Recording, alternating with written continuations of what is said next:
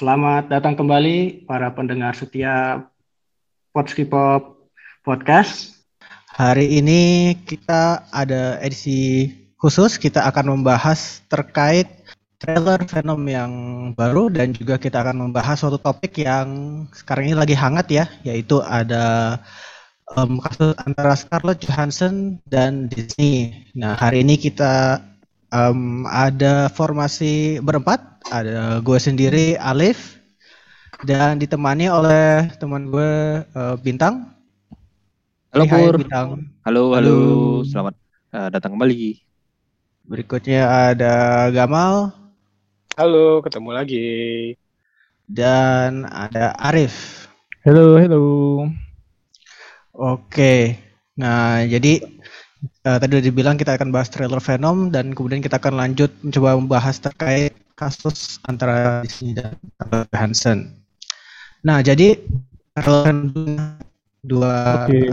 dua hari yang lalu ya kalau nggak salah ya keluar trailer Venom yang kedua um, dan mungkin langsung aja nih menurut menurut lo gimana tang ini trailernya yang baru keluar ini? Hmm, ya, uh, kalau dilihat dari trailer yang sekarang, tampilan Carnage-nya di ini ya, benar-benar kayak di munculin di uh, di ditampakkan gitu tampilan Carnage. Mm -hmm. Sebelumnya kok nggak salah yang pertama itu masih kayak disamar-samarkan. Kalau ini benar-benar di yeah. ya, ditampilkan secara gamblang dan ya cukup uh, gue cukup tertarik untuk uh, menontonnya nanti karena Carnage ini ya mirip-mirip Venom lah kan. Berarti kan yeah. uh, kurang lebih hampir sama. Jadi ya cukup menarik sih menurut gue pur. Dan di situ kan interaksi antara si Eddie eh Eddie Brook eh ya Eddie Brook ya. Eddie Brock. Brock Lesnar. Bukan Brock Lesnar. Brock Lesnar. Eddie Brock dan Venom ya seperti kita tahu di film pertama tuh gue suka banget interaksi berduanya dan kita lihat lagi hmm. lah di interaksi di film yang sekarang ini kayak gimana. Apalagi lawannya hmm. juga lawannya yang cukup sepadan kan ya gitu. Iya, benar-benar. Uh, jadi mungkin kalau yang belum tahu kalau di komiknya itu si Carnage ini sebenarnya itu adalah jadi dia itu lahir dari simbiotnya si Venom sebenarnya itu. Jadi dia bergabung dengan darahnya si serial killer Cletus Cassidy ya yang hmm. hari ini diperankan oleh acting oleh Woody Harrelson. Nah ini uh, Arif tadi barusan baru ngeliat nih terlihat gimana nih menurut lo nih si Woody Harrelson memerankan seseorang serial killer ini si Cletus Cassidy. Tapi di sini sama kan Bor? Apa kayak terimply dia itu jadi karena uh, dia mm -hmm. kayak dia nyicipin darahnya sih itu kan, nyicipin yeah. darahnya si Brock kan, si Brock. darahnya mm -hmm. Venom lah atau apa. Gitu, gitu kan? Kesannya gue yeah, betul. baru sekali nih nonton trailernya. iya iya. Iya yang kita lihat dia kayak gigit tangannya si Brock kan, oh. kan terus kayak Ih, dia merasa darahnya ya. Nah, terus kenapa dari awal kenapa motivasinya mengundang motivasinya apa ngegigit? Karena dia serial killer? Nah, itu juga menarik juga tuh. Apa Enggak, gua, gua pikir tadinya dia udah tahu nih, dia udah tahu oh. tentang simbiot, udah hmm. tahu apa terus somehow didus bahwa kalau ini gua akan menjadi ini gitu. Tapi kayaknya nggak gitu ya. Kayaknya dia emang nggak waras aja ya. juga gitu. Iya, kayaknya nggak waras aja. Iya, nggak tahu. Menurut lo gimana, Bang? Tarif gimana? Jujur gue Venom satu juga juga nggak suka-suka banget sih. Hmm, gue okay. kayak kayak gimana ya? Kayak sebenarnya filmnya gitu doang itu loh. Iya. Kayak iya. nggak iya. ada nggak ada ya apalah gregetnya gitu. Cuma memang kalau dibilang daya tarik gue justru tertarik kan ada Woody Harrelson sih karena gue suka Woody hmm. Harrelson gitu. Iya. Actingnya actingnya bagus. Terus ya banyak lah dulu-dulu perannya lah di mana di mana aja bagus-bagus. Jadi maksud gue kalau sekedar gini deh gini. Benar gini kalau Black Widow gua bajakan nih gua masih aduh pikir-pikir nggak ya? Kalau ini gua bajakan tantar aja lah gitu lah. Oh. kayak gitu lah. Kalau Black Widow kemarin kan gua aduh gua nonton nggak ya? Bajakan tapi ya yeah. ada pergolakan gitu. Golakan oh, pergolakan hati. Kalau ini ya udah nanti lah kapan aja keluar bioskop juga kapan aja gitu loh nah ini nanti ada terkait keluarnya di bioskop juga sebenarnya ada lagi mau gue bahas juga ya, tapi itulah. nanti lanjut dulu lah ke Gomal. Jadi menurut lo gimana Mal nih? Mungkin bandingin sama Venom atau trailer yang sekarang gimana ini udah membuat lo lebih tertarik nggak buat nonton si Venom 2 ini? Gue Venom 1 juga suka sih dan yang juga menarik trailernya ya. hmm. actionnya juga kelihatan baik si Kenneth-nya maupun si Woody-nya ini bagus sih terus juga yang hari tadi tuh dia gigit si Eddie itu kayaknya emang maniak aja sih psikopat aja gitu ya Iya. Oke, jadi dia dia kayak nggak nggaknya ya bukan bertujuan untuk mengambil simbiotnya si Eddie ya, cuma karena ya emang udah iya nggak wajar aja gitu ya. Iya, dan dia sampai saking maniaknya itu bisa bedain gitu rasa darah orang sama rasa Iya benar, berarti kan yeah. asalnya dia udah udah hmm. yang tersirat dia mencoba mencoba sekian banyak darah manusia darah ya sehingga dia bisa membedakan gitu yang darah orang sama eh, mungkin darah apa. Tapi gitu. kalau di itu di film pertama itu dia datang datang ke penjara tuh kenapa ya si Broknya datang ke Jakarta eh ke Jakarta ke penjara tuh kenapa ya?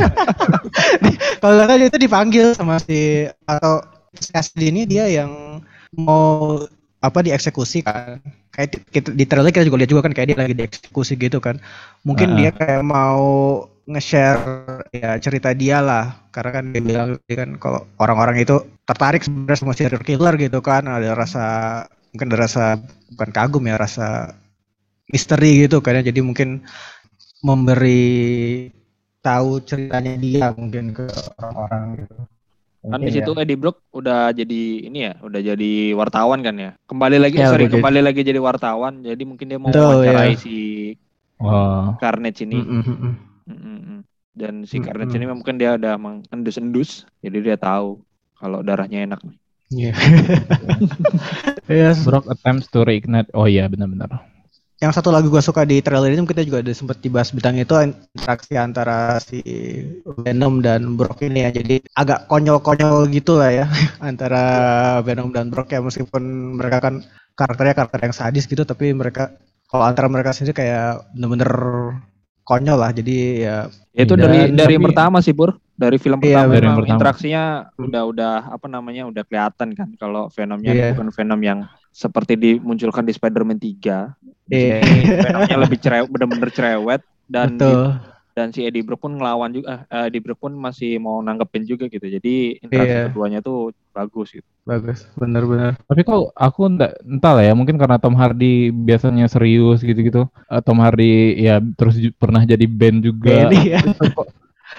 Enggak maksudnya so, kayak kadang-kadang kayak ih kok Tom Hardy-nya jadi ngebanyol gini sih kayak gitu loh. Aku kadang-kadang yeah, yeah, yeah. gue kadang-kadang gitu yeah, sih. Yeah. Tapi enggak maksudnya tetap ya kalau secara rating sih masuk-masuk aja sih cuma kayak masih mm -hmm. kebayang aja gitu dia yang dia yang serius lah dia di di yeah. mana kayak dia di Inception kayak dia di di apa gitu yang keren gitu ini kok kayak yeah. cupu gitu loh kayak nggak masuk aja gitu yeah, yeah. yeah. ya mungkin biar uh, range apa namanya range actingnya juga juga makin besar gitu kan. Betul. Uh, target kualitas acting yang seperti ini gitu.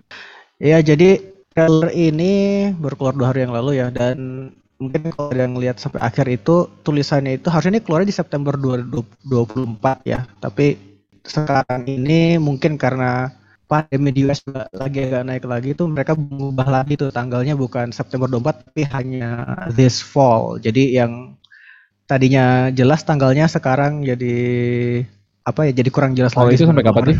Fall itu eh, bisa sampai Oktober, November, November, iya. November ke winter Oktober, kali ya. ya. Kadang-kadang winter itu kan sebenarnya kan di apa namanya antara Desember Januari itu kadang-kadang masih Tapi tergolong kalau winter. itu masih fall kan ya? Akhir Oktober. Gimana? Kalau kan Oktober. Oh, kalau ya, masih fall. Kalau Oktober kan ya. Iya. iya, iya. Fall tuh autumn kan? Iya benar. Fall sama autumn.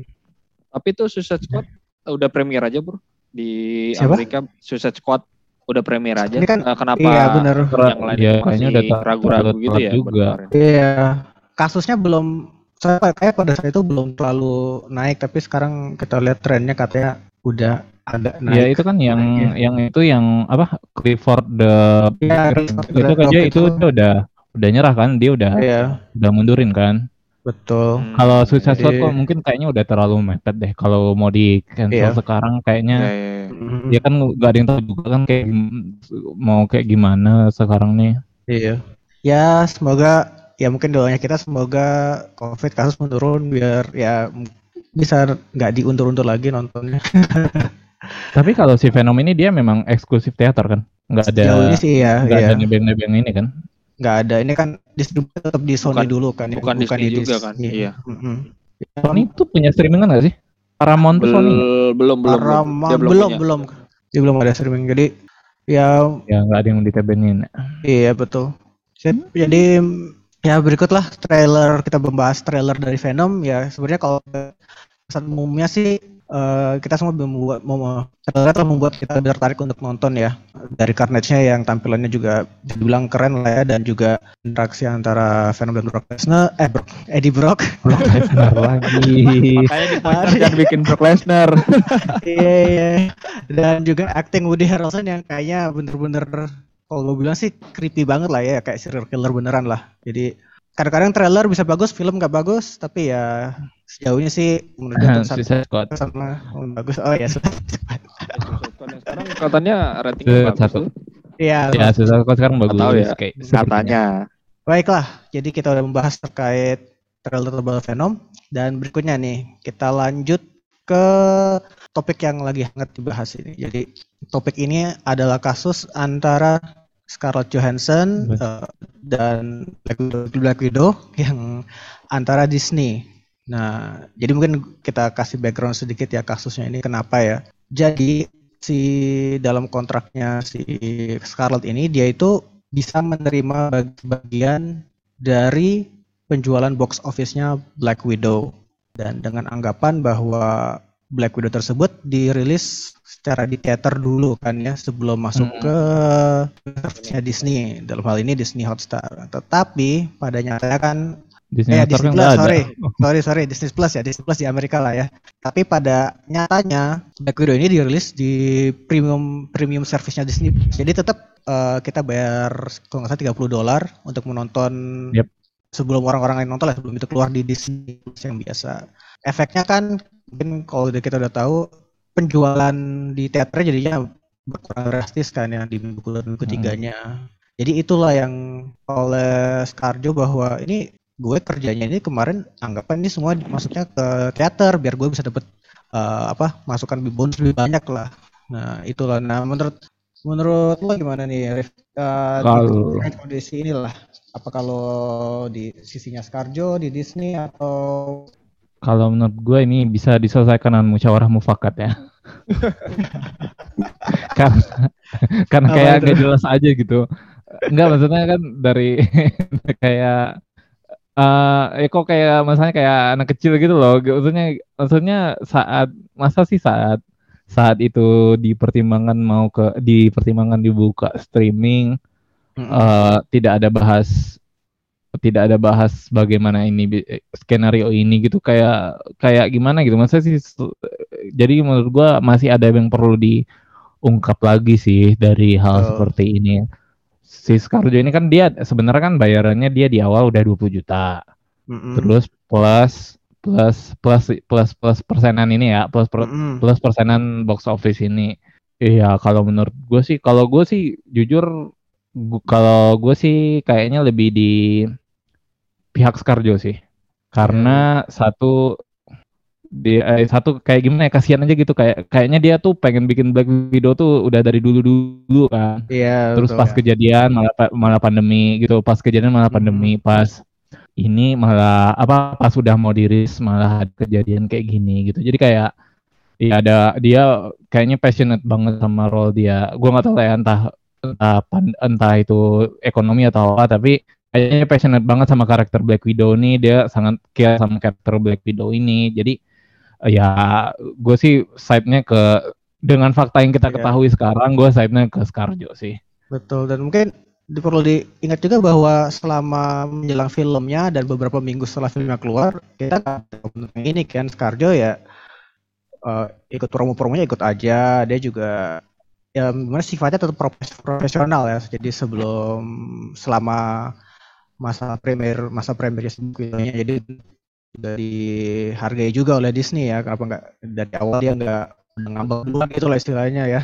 Gitu. Lagian mereka juga agak tahu nggak sih adaptasinya maksudnya pas si Black Widow ini primer itu sebenarnya be- bioskop-bioskop yang Amrik itu udah bagus kan? Maksudnya udah Betul. udah oh, udah lumayan oke kan? Jadi mereka nggak entah entah karena ada terlalu mepet juga atau apa tapi mereka nggak adapt sama itu gitu. Ya, jadi kayak ngapain taruh di streaming gitu juga ya Rif maksudnya. Iya, maksudnya ya udah sih cancel gitu. aja sih seminggu sebelumnya gitu. Hmm. Lagi oke okay nih gitu. Toh kita di Indonesia juga nggak bisa nonton kan. ya, ya, maksudnya ya udah ya udah fokusin domestik aja yeah. lah gitu. Betul. Domestiknya difokusin juga, di difokusin aja gitu. Oke, menurut lo gimana nih mau ada langkah lain gak yang nanti seharusnya Disney lakukan nih untuk menghadapi ya, musyawarah? Kalau... Masih musyawarah juga. musyawarah juga. ya, menurut gua sebenarnya kalau gua lihat ya nggak nggak ada yang dilanggar dari kontrak ini sih sama Disney hmm. dan si Scarlett Johansson juga nggak ada nggak ada legal standingnya sih sebenarnya. Hmm. Cuma masalah etikal ya gua di pihak Scarlett Johansson karena ya kan Disney dapat keuntungan juga kan dari streaming oh, ini.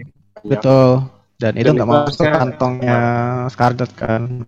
Sih di situ. Itu nggak ada yang ngomongnya ya. Uh, apakah ya dari yang pendapatan 30 USD itu ada yang lari ke Scarjo? Nggak ada ya? Belum nggak ada di kontraknya kan? Nggak ada, di kontraknya. Asumsinya cuma uh, teater rilis doang. Ke box office saja. Betul. Hmm, gitu. Okay. Kalau nah, menurut nah, harusnya kayak gitu sih. nah sebenarnya sih itu yang masih di ini kan apa namanya di apa sih yang di yang masih jadi jalan di gua. Kan ini kan sebenarnya film ini direncanakan awal itu keluar bulan Mei ya? Ini 2002 2020 20 kan? ya. nah maksudnya itu kan udah mundur hampir setahun. Harusnya kan pasti udah ada gimana ya kalau secara plan kan pasti ada case A eh case A case B case C gitu kan. Paling nanti misalnya dengan kondisi sekarang case mana nih yang cocok nih untuk dipilih untuk di kita jalankan nih? Mungkin nih case C. Nah dengan kondisi itu apakah tidak ada ya seperti bilang apakah tidak ada adendum terhadap kontrak uh, si Scarjo ini atau bagaimana? Itu kan ya harusnya yang menjadi point of view-nya si Disney kan? Karena dia pasti ya uh, melihat setidaknya dia belajar dari Wonder Woman kemarin lah. Wonder Woman itu rilis bersamaan antara bioskop sama uh, sama streaming service. service akan tetapi ya sebenarnya berita-berita tentang uh, si Gal Gadot itu nge, apa namanya uh, protes ke Warner Bros. itu nggak nggak se-hype sekarang ini. Karena mungkin Warner Bros. sudah menyiapkan plan di mana ketika ada kondisi seperti ini dia sudah punya plannya itu seperti itu. Nah ini kelihatannya kayak Disney ini nggak punya nggak nggak nggak punya plan terhadap kondisi seperti itu. Itu yang harus nggak ada mitigasi ya. Betul mitigasinya itu nggak ada gitu. Jadi malah ini jadi muncul kan Scarjo-nya marah-marah dan itu di blow up ke media. Ya gue sih kalau melihat kayak gini gue sebagai pekerja juga lah ya melihat company melihat company gue misalnya nanti seperti ini juga kondisinya ya gue pasti mari sih masih ya di pihaknya Scarjo karena ya yeah. pasti company itu pasti punya revenue-nya yang lebih gede daripada yang lain kan. Sedangkan pekerja tuh ya Betul. ya revenue-nya dari hal ini. Cuman yang mungkin yang perlu dipikirkan Scarjo adalah dengan kondisi saat ini apakah nanti uh, production house lainnya tuh mau mempekerjakan dia dengan kondisi seperti ini? Karena ya takutnya ada ini kan ada efek sampingnya itu kan ketika di, yeah. kita protes ke production house uh, bisa jadi Kayak nanti blacklist gitu ya. jadi kena blacklist sih Scarjo-nya tapi ya mungkin kalau skala Amerika skala Hollywood harusnya masih banyak lah ya. Masih nggak mungkin oh si Gal Gadot itu dikasih duit di awal ya? Kalau Gal Gadot. Kalau nggak salah dia dikasih duit di awal kan? Udah diem lo gitu karena itu karena sebelumnya ini uh, Warner Bros udah nge di awal kan semuanya yeah, kita bakal semua rilis yang streaming. HBO yeah. Max kan. Ya bakal itu dirilis HBO Max. Ya itu pun mendapat tentangan dari Nolan, dapat beberapa yeah. sutradara tuh tentang sebenarnya kan. Cuman mungkin di situ udah dikasih kompensasi di awal, jadinya nggak terlalu blow up seperti sekarang beritanya. Kalau menurut aku sih kayaknya kayaknya terlalu bodoh nggak sih kalau kita menganggap Disney nggak ada plan gitu. Aku kalau menurut ini teori ya teori. Kalau teori gue sih gini pasti dari yang 30 USD primer itu pasti ada yang lari ke Scarjo juga deh menurut gue. Cuma mungkin si Scarjo-nya yang nggak puas gitu. Maksudnya ya ya mohon maaf aja ya ha, ha, hari H itu lo udah bisa dapat bajakan kualitas HD ya mau ya, ya ya ya ya ya gimana ya orang gua aja yang merasa berdosa nonton kalau bajakan sekarang karena follow SJW Twitter terlalu banyak. Nah itu gua, gua aja gua aja tergoda pengen nonton gitu. Apalagi yeah. yang orang casual yang sengaja yang suka nonton bajakan gitu. Jadi, jadi menurut gua si gue yakin lah dari 30 USD Premier Fee itu ada persenannya si Scarjo. Cuma mungkin dia nggak puas atau gimana kayak gitu. Hmm. kayak kayak bego banget aja. Masa sih di, di se, se kayak Disney nggak mikirin kayak gini gitu loh. Karena emang pendapatan Teori, streaming service itu mas pendapatan masih streaming service ini masih debatable kan sebenarnya kan? Iya. Misalnya pasti di pasti ada bagiannya juga belum tentu juga sih namanya berurusan sama korporat dan udah Betul. ada hitam di atas putihnya. Mungkin di negosiasinya iya mungkin ya. Mungkin iya nggak mungkin kayak negosiasi gitu loh pasti. Mm-hmm. makanya gue bilang tadi kayaknya ini kita belum dapat gambaran iya. fullnya gitu iya, sebenarnya. kayak gue nggak percaya aja korporat iya. sebesar Disney atau uh, perwakilan Scarjo artis yang udah malang melintang berapa tahun gitu nggak kepikiran bahwa hal ini akan terjadi gitu loh bisa jadi memang Betul. lagi mungkin tahap negosiasi tapi ya nggak ketemu betul kata Arif kan jadi ya mungkin minta persentase yang lebih atau Oh ya, ya dia nggak puas sama hasil. Atau nggak puas ya, atau memang Disney gitu. Atau memang Disney sendiri juga kekeh juga nggak mau ngasih gitu bisa. ya, ya, bisa ya, juga ya, lah. Ya, ya. Bisnis uh, bisnis lah ya. Tapi yang menarik ini ya kasus ini juga membuat beberapa orang lain juga jadi apa ya, istilahnya juga uh, geram juga ya kalau kita tahu bahwa Kevin Feige sendiri ya headnya di Marvel juga marah juga terhadap Disney ya uh, memperlakukan ya salah satu talent talent paling yeah. utama kan kan dia uh, or, anggota original Avenger dan dia udah hampir hadir hampir di semua film MC yang paling apa ya, yang yang paling utama lah ya. Yang Jadi ada. betul, seperti pasti dia ada hadir kan. Jadi Nah, menurut lo gimana nih Tang? Apakah dia akan berpengaruh nih ke antara kinerja apa mungkin hubungan antara Feige dan si Disney ini untuk ke depannya? Ya kalau sebenarnya sih dilihat uh, harusnya nggak sampai mempengaruhi ini ya apa namanya hmm. target-target kualitas film ke depannya untuk uh, film MCU. Ya mungkin hmm. ini pasti uh, ya secara legal pasti bakal ada Ya, eh, maksudnya Feige secara legal pasti ya dia nggak mau terlalu ambil pusing kan. Dia pasti cuma menilai secara moralnya kok aktris aktris yang udah dari awal nih digitukan. Mana etikanya, mana moralnya kayak gitu paling kan ya tetap aja hubungan bisnis ya bisnis pur di mana kalau misalnya film lu udah hmm. ada dan kontrak lu udah jalan ya pasti tetap bakal di ini sama Feige tetap dijalanin hmm. sama Feige nah, untuk Scarjo sendiri betul kata Arif tadi ya dia udah gak ada lagi film di ke depannya The Avengers jadi yeah. ya eh di MCU bebas jadi aja ya. udah bebas aja dia Lagian dari artikel yang bahas itu tuh kayaknya si Feige-nya masih agak diplomatis deh, Pur. Ya, maksudnya ya, kayak mengambil posisi di tengah gitu lah. Di tengah, tapi ya ke, pasti kekecewaan kan dia kekecewaan tapi mungkin dia memang nggak kalau di menurut gue kalau dilihat di nggak enak juga kan kalau dia langsung marah-marah. Iya, bukan take a stance juga buat buat dukung si hmm. Scarjo kan. Pasti cuman ambil hmm. in the middle lah mungkin. Dan ini juga efeknya beberapa uh, aktor atau aktris lain juga ya yang filmnya juga keluar di premium access Disney Plus ikut bersuara juga ada Emma Stone dan Emily Blunt dan Jared Butler juga Butler yang akhirnya bersuara juga ya mungkin mereka juga sama seperti Scarlett seharusnya menerima pemasukan lebih tetapi ya karena ada keluar di akses Disney Plus jadinya berkurang lah pemasukan dia. Emily Blunt yang mana? Emily Blunt yang Jungle, uh, Quiet Place. Jungle oh, yang Jungle Cruise. Hmm. Jadi uh, saat ini memang kita belum tahu juga perkembangannya gimana ya. Mungkin ada prediksi kalau dari gue sendiri sih ke kemungkinan dari Disney akan mencoba negosiasi tetap tapi kemungkinan dia bakal akan tetap mengalah mungkin ya. Ada dan iya, ini mencari Ya ini bakal selesai di ya di, di bawah iya. meja duit gitu sih kayaknya ujung-ujungnya. Mungkin dari Gamal mungkin ada. Mungkin menurut lo gimana Mal nih? Apa bakal tetap menyelesaikan dengan duit juga di Disney atau mereka akan tetap fight terus ya, ini lawan si Scarjo ini? Kayaknya udah sih. Ya benar kata Arif tadi diselesaikan di meja aja. Iya paling ya menghilang habis itu. Ya Disney ini kan juga termasuk salah satu yang memperhatikan citra kan. Betul. Citranya hmm. lumayan lah. Kayak ya. medianya nggak bertahan lama biasanya. Berita-berita buruk di media nggak bertahan lama biasanya. Ya. ya, ya Disney kan perusahaan media kan, bukan perusahaan film dong sebenarnya.